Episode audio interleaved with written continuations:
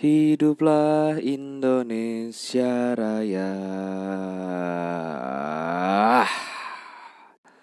Selamat datang kembali di minggu ketiga di bulan Agustus. Kembali lagi di podcast Teman Jalan episode keempat dengan judul tidak ada judulnya karena tiap episode gue tidak pernah mikirin judul di depan. Oke, kembali lagi di minggu ketiga di bulan Agustus di mana nuansa 17 Agustusan sangat terasa kental sekali. Gue juga jadi kangen sama lomba-lomba Agustusan gitu ya yang biasa diadain di desa-desa gitu. Juga juga juga jadi kangen nih gitu. Kalau di Jakarta tuh ada masih ada nggak sih lomba-lomba yang kayak tarik tambang naik poh eh, naik pohon? Ya naik naik gitulah yang ngambil hadiah di atas gitu. Terus lomba hias sepeda balap karung gitu masih ada nggak sih di sini? Gue nggak tahu deh soalnya pas Agustusan kemarin gue kayaknya nggak lihat gitu deh. Tapi gue yakin kayaknya ada sih kalau di pelosok pelosok eh di pinggir pinggir gitu banyak sih harusnya di komplek komplek RW RT gitu harusnya banyak sih. Terus gue juga jadi kangen nih di zaman SMP SMA di mana gue sering banget ikut 17-an yang udah pasti gue jadi raja terakhir di bagian tarik tambang tentunya ya. Lebih ke tarik tronton sih sebenarnya lawan-lawan gue waktu itu gitu ya. Tapi ya gimana ya game-game di 17 itu memang seru banget sih. Itu bener-bener di mana kekompakan kita tuh dinilai gitu dilihat gitu dan dilatih gitu. Meskipun kayaknya hadiah-hadiahnya tuh sebenarnya nggak seberapa sih sebenarnya B aja sih. Cuma tetap yang diambil tuh funnya itu sih kita tuh seneng-seneng sama teman-teman kalau pas sekolah gitu kan seneng-seneng sama guru-guru lomba antara guru lawan murid gitu-gitu pokoknya menyenangkan banget deh fun banget gitu Terus oke okay, itu di minggu ini ya di minggu ketiga gitu. Nah terus di minggu ini juga seperti yang udah pernah gue bahas di minggu sebelumnya ternyata berita KPI versus Netflix itu semakin panas ternyata. Pro kontra yang terjadi di dunia maya ini semakin panas gitu. Resistansi orang-orang terhadap keputusan KPI ini tuh makin tinggi gitu, makin kontras kelihatannya. Karena undang-undang penyiarannya itu yang mereka bahas ternyata tuh rancu gitu banyak ambigunya. Jadi katanya di undang-undangnya itu disebutkan kalau KPI itu punya akses ke saluran-saluran yang free to air. Misalnya tuh yang gratis-gratis kayak televisi kayak radio gitu itu mereka punya akses dan mereka punya kontrol di situ tapi yang bikin ambigu adalah kalimat selanjutnya yaitu dan media-media lainnya Nah kata-kata itu tuh yang dijadiin sama KPI. Oh berarti kita boleh dong masuk ke ranah internet nih yang live apa internet streaming gitu kan kayak di Facebook, di Instagram, di yang terutama ini Netflix gitu kan. Nah itu sebenarnya kan jadi rancu tuh. Cuma ya ini pun masih pro kontra dan keputusannya kan belum deal juga akhirnya gimana gitu kan. Ya kita lihat aja ke depannya gimana. Pokoknya doain aja yang terbaik deh pokoknya. Gitu. Terus di minggu ini juga gue nonton film ini. Gue nonton film judulnya Bumi Manusia. Mungkin kalian udah lihat juga trailernya sih, udah cukup ramai juga. Ini dia disutradarai sama disutradarai sama Hanung Bramantio. Filmnya tuh latar belakangnya tuh di zaman Belanda kolonial gitulah pokoknya. Jadi nyeritain kehidupan anak-anak muda yang asli Indonesia yang dia tuh harus apa ya? Dia keep up sama kehidupannya di lingkungan yang masih kental perlakuan rasismenya gitu antara orang Belanda sama orang Indonesianya. Filmnya tuh kurang lebih 3 SKS gitu lah panjangnya itu cukup lama sih dua hampir ke 3 jam gitu deh. Cuma overall seru sih. Intriknya tuh dapet gitu. Selain syarat akan makna, terus film ini juga menyadarkan gue bahwa masalah anak-anak muda zaman sekarang tuh gak ada apa-apanya lah. Dibanding sama anak-anak muda pada masa di film itu gitu. Kalau di masa itu kan digambarinya betapa susahnya ya. Anak-anak muda tuh untuk belajar sosialisasi gitu. Belajarnya aja dalam bahasa Belanda gitu loh. Gak sebanding banget deh sama kita kita yang di zaman sekarang gitu anak mudanya permasalahan anak muda zaman sekarang paling apa sih? Paling bingung mau login pakai fake account Instagram yang mana gitu. Atau sibuk nentuin hari ini mau mabok di mana gitu kan. Ya pokoknya gak sebanding banget lah gitu. Cuma overall filmnya bagus banget. Itu sangat-sangat uh, rekomendasi gue buat nonton di bulan Agustus ini. Itu bener-bener bagus banget filmnya. Pokoknya beda dari film-film yang lagi tayang yang lainnya gue pun sebenarnya nggak sengaja sih nonton film ini sih. Jadi waktu itu tuh pengen nonton film yang lain cuma karena full oh ini menarik juga nih. Gue soalnya kan nggak begitu ngikutin film cuma gue tahu bahwa film itu pernah disebut-sebut bahwa filmnya cukup bagus nih ini bagus nih. Karena film itu masih ada slotnya banyak akhirnya gue nonton. Eh ternyata seru filmnya seru banget. Seru banget seru banget. Gitu. Next. Ah ini nih gue akan cukup panjang ngobrol di sini nih ini ada satu berita eh yang cukup menyita perhatian gue sebenarnya yaitu berita soal anggota osis di sekolah yang dia merazia skincare Oke, di sini tuh udah perdebatan banget nih.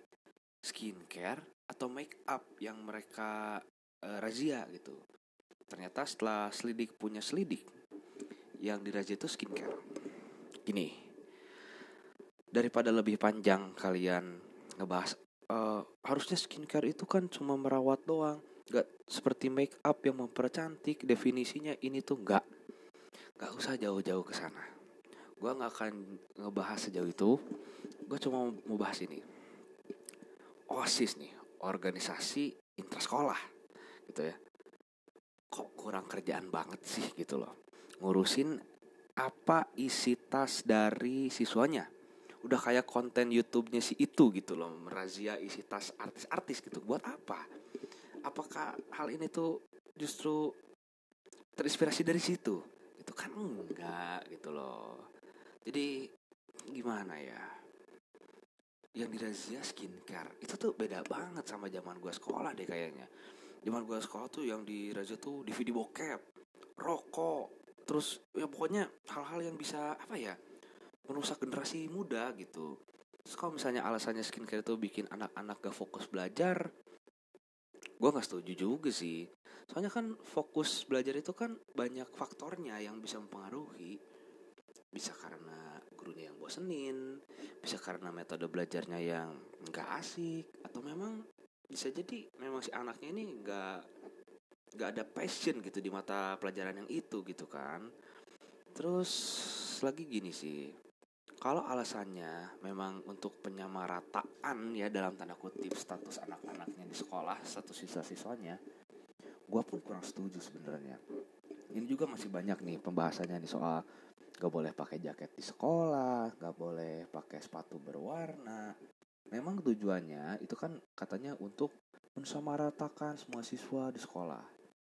Menurut gue tuh nggak nggak gimana ya kurang gitu loh sekarang gini oke okay lah kalau misalnya kalian yang dirazia tuh handphone atau apa itu memang kan bisa mengganggu jalannya pelajaran di kelas gitu kan.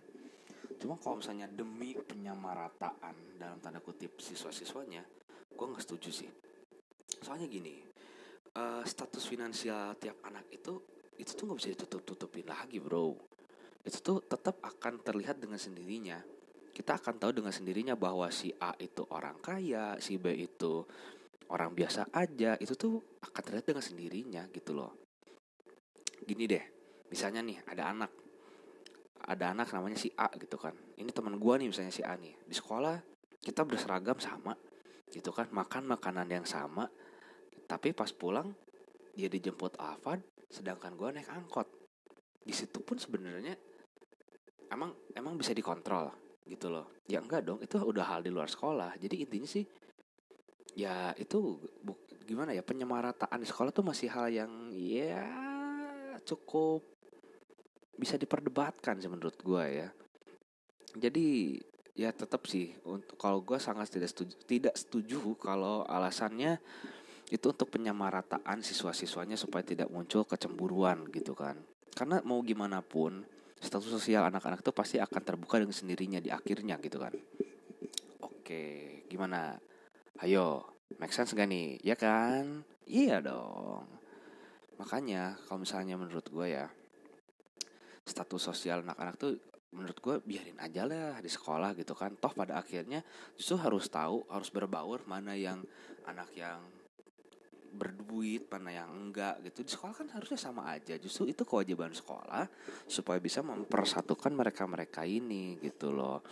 Di gua pun zaman sekolah kayaknya kita nggak pernah tuh maksudnya uh, minder gitu atau gimana? Enggak kita main-main aja kok. Kita nongkrong nongkrong aja sama aja semuanya. Nggak ada yang berubah.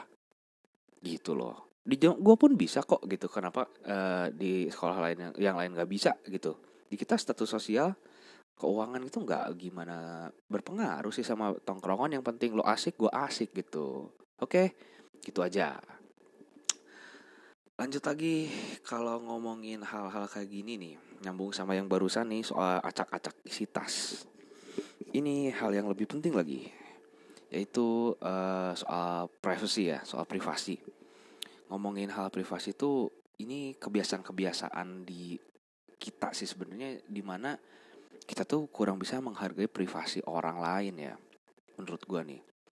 Menurut gue tuh zaman sekarang itu orang-orang kayaknya agak kesulitan deh memilah antara ranah publik dan ranah uh, mana yang privat gitu loh.